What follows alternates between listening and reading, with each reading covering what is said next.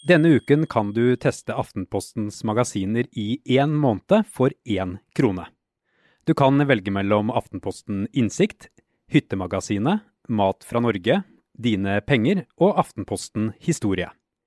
Bestill på ap.no krone.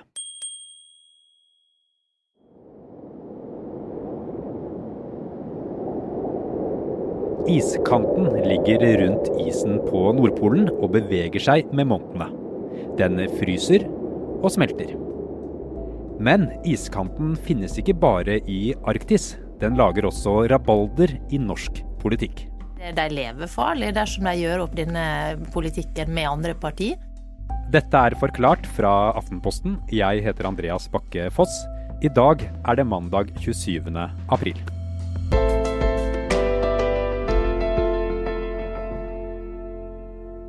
Først og fremst så er dette ingen kant.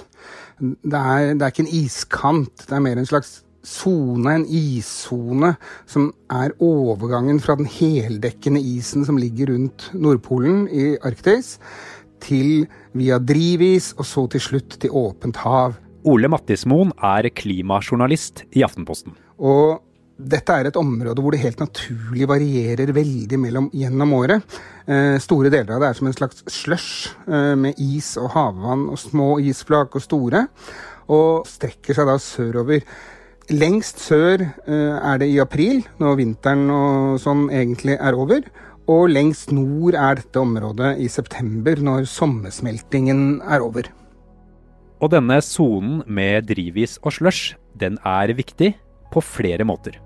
Det er motoren i økosystemet som vi høster enorme mengder fisk fra. Men fordi at global oppvarming gjør at havet blir varmere og stadig mer havis smelter, så flyttes denne iskantsonen stadig nordover. Men i norsk debatt så er det jo nå også blitt en politisk grense. Eh, et begrep hvor, som politikerne bruker egentlig istedenfor å si at vi vil at det skal bores etter olje så og så langt nord, eller grensen skal gå der og der, så, så er det også blitt altså et politisk begrep. I politikken så betyr iskanten i praksis hvor langt nord det er lov å bore etter olje. Så i kampen om iskanten står på mange måter naturvern mot oljenæring. Deler av oljenæringen vil lete etter olje i havområdene som nå åpner seg når isen blir borte, mens eh, naturvernere, miljøvernere, miljøeksperter ønsker at grensen skal gå så langt sør som mulig. Og det er fordi at dette er et eh, svært sånn biologisk sårbart område. For denne isen er viktig som hjemmet til noen veldig små organismer som er sårbare for f.eks. oljesøl. Under isen, under isflakene, under den faste isen, så er det masse brune isalger. Og de har festet seg på undersiden.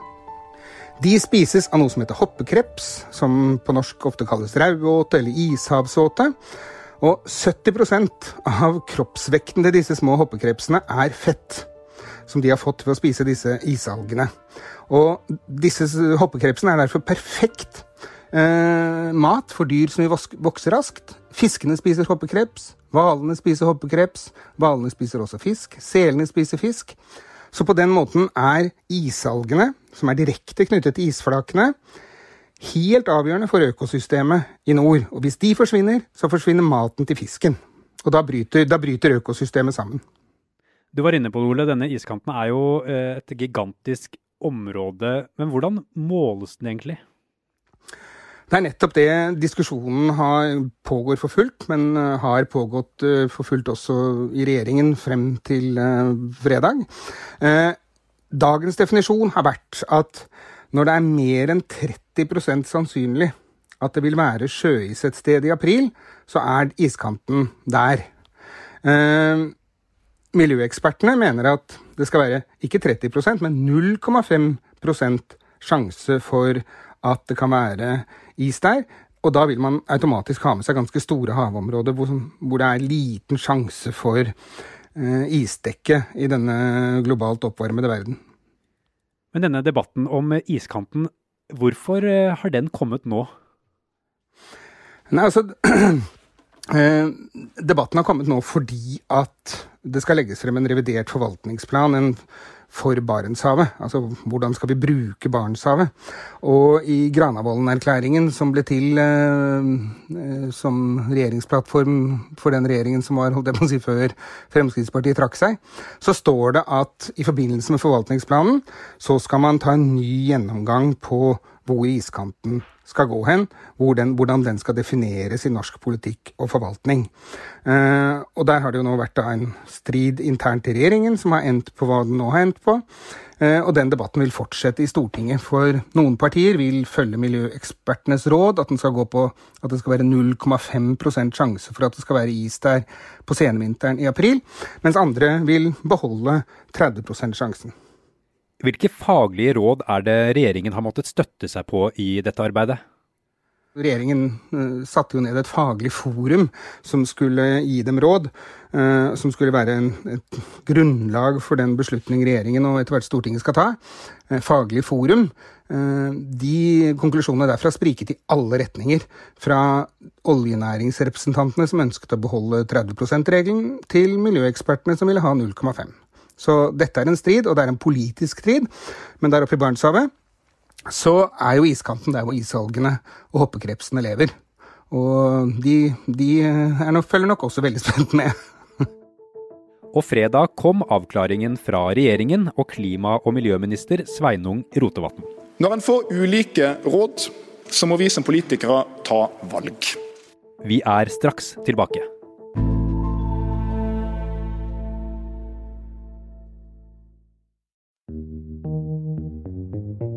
Helt i starten av dette året lagde vi en episode om hva som kom til å bli de store politiske sakene i år. Ingen forutså koronapandemien, men Aftenpostens sjefredaktør Trine Eilertsen sa vi burde være klare for en annen stor sak. Eh, og Da blir det en diskusjon om iskanten, så vi kommer til å kjenne saken som eh, diskusjon om iskanten. Så det er en stor konfliktsak som ligger der og ulmer. Nå er diskusjonen om iskanten her. Og den blir tett fulgt av Aftenpostens politiske redaktør Kjetil B. Alstaheim. Iskanten som eh, regjeringen nå legger frem forslag om, er en del av det som er en forvaltningsplan for eh, Barentshavet, Lofoten, Norskehavet, og som handler om å ha en helhetlig, som det sier, og økosystembasert forvaltningsplan. Altså hvordan du skal Eh, tillate økonomisk virksomhet, fiskerier, oljevirksomhet og annet, og samtidig ta vare på økosystemene. og Det er en plan Norge har hatt siden tidlig i 2000-tall, og nå er det en oppdatering av den. Etter en samla vurdering så har regjeringa valgt å sette grenser. Fredag la regjeringen frem sitt forslag til hvor iskanten skal gå. Den går lenger sør enn den grensa som lå i iskantmeldinga i 2015. Den såkalte isfrekvensen ble satt til 15% mot dagens 30 Og den er i større grad ei føre-var-tilnærming for å ivareta miljøverdiene. På iskanten så er det jo et uh, ganske stort spenn mellom de to ytterpunktene som det har vært snakket om dagens, uh, som er en sånn 30% isfrekvens, og uh, den anbefalingen fra de miljøfaglige miljøene på 0,5. Og det regjeringen gjør, er jo å legge seg på et klassisk kompromiss som er omtrent på midten, der denne kanten trekkes sørover. De lisensene som allerede er gjort, ikke blir berørt, men uh, der man på en måte lager en ny balanse mellom hensyn til økosystem, det sårbare økosystemet i det området, og oljeaktiviteten. Oljeeventyret er jo vår felles stolthet. Og Gjennom forvaltningsplanen så skal vi sikre både natur- og miljøverdier, og legge til rette for verdiskaping, sysselsetting og god ressursforvaltning. Det er jo ikke bare enighet i regjeringen om, om, dette. Hva er det de forskjellige partiene i regjeringen er uenige om når det gjelder iskanten? Venstre vil jo gå veldig langt i å trekke den så langt sør som mulig, av hensyn til uh, til uh, naturvern, mens Høyre jo er opptatt av, mer opptatt av å ta vare på de mulighetene som oljenæringen har fått i, i, det området som kalles Barentshavet sør. Så det har vært en, en, en dragkamp mellom naturverninteresser og oljeinteresser. Men selv om debatten har måttet balansere de to sidene, så mener Kjetil at den har endret seg på flere måter. Det ene er vektleggingen av eh, hensyn til eh, sårbare økosystemer. Der vi bl.a. fikk en rapport fra FNs naturpanel i fjor, som jo viser at mange, mye natur rundt omkring i hele verden er under press, økende press. Og et av de områdene som opplever økende press, er økosystemene i Arktis. Det handler ikke minst om klimaendringer, at det blir en oppvarming der som gjør at de de settes under et annet press. Situasjonen endres, og det flyttes på ting. Isen kryper lenger eh, nordover osv. Så, videre. så det, den vektleggingen av det hensynet er blitt viktigere. Samtidig så Dette er jo ikke egentlig en klimadebatt, fordi oljen i nord er ikke verre enn oljen i sør. Men klimadebatten slår også inn i, i, i dette, fordi det handler om ja, hvor mye mer oljevirksomhet skal vi egentlig tillate. Men hvilke aktører er det som har vært viktige i denne debatten, Kjetil? Eh, det er klart du har, uh, har miljøbevegelsen, som har vært uh, veldig opptatt av det. Både ut fra naturvernhensyn og også som en del av en sånn større klimaargumentasjon.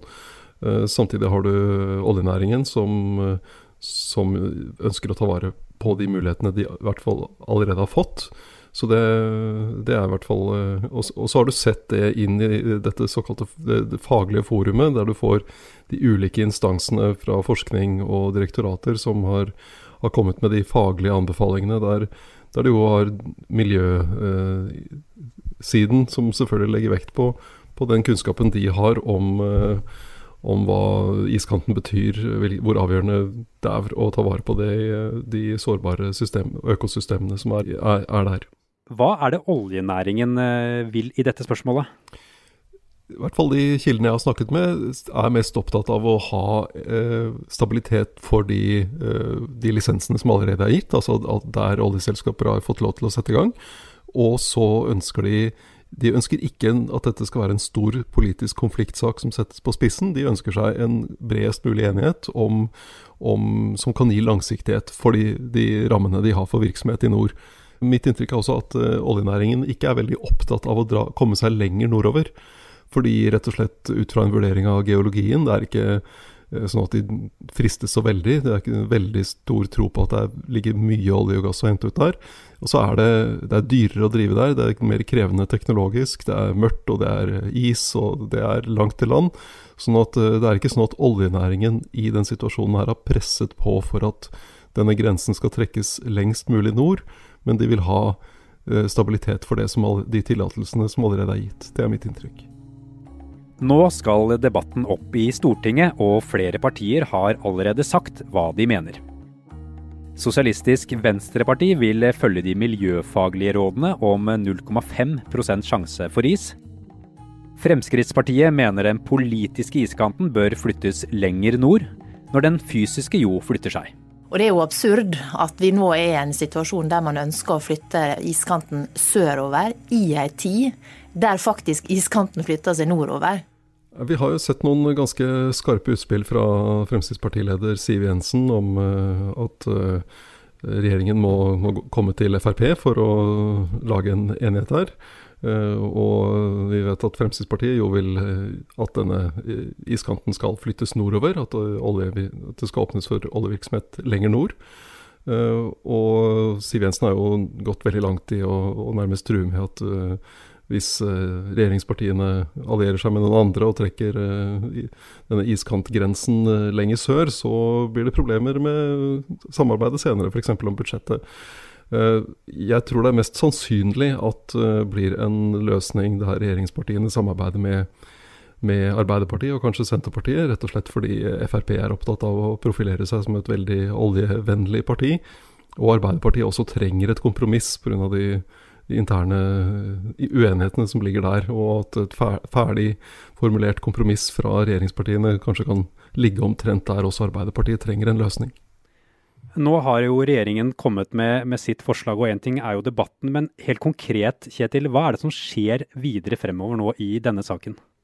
Nå blir det vanlig behandling på Stortinget, med behandling i energi- og miljøkomiteen. Og, eller vanlig og vanlig i Stortinget jobber jo på en litt spesiell måte nå, med utstrakt smittevernhensyn eh, der også. Men det blir i hvert fall en komitébehandling, og så en behandling i, i salen et annet, på et eller annet tidspunkt før eh, Stortinget tar sommerferie i slutten av juni.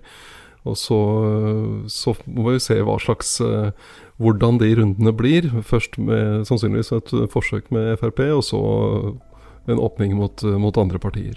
Noe av det spennende blir jo hvordan, eh, hvordan Arbeiderpartiet og, og, Senterpartiet vil forholde seg til, til det regjeringen nå har foreslått.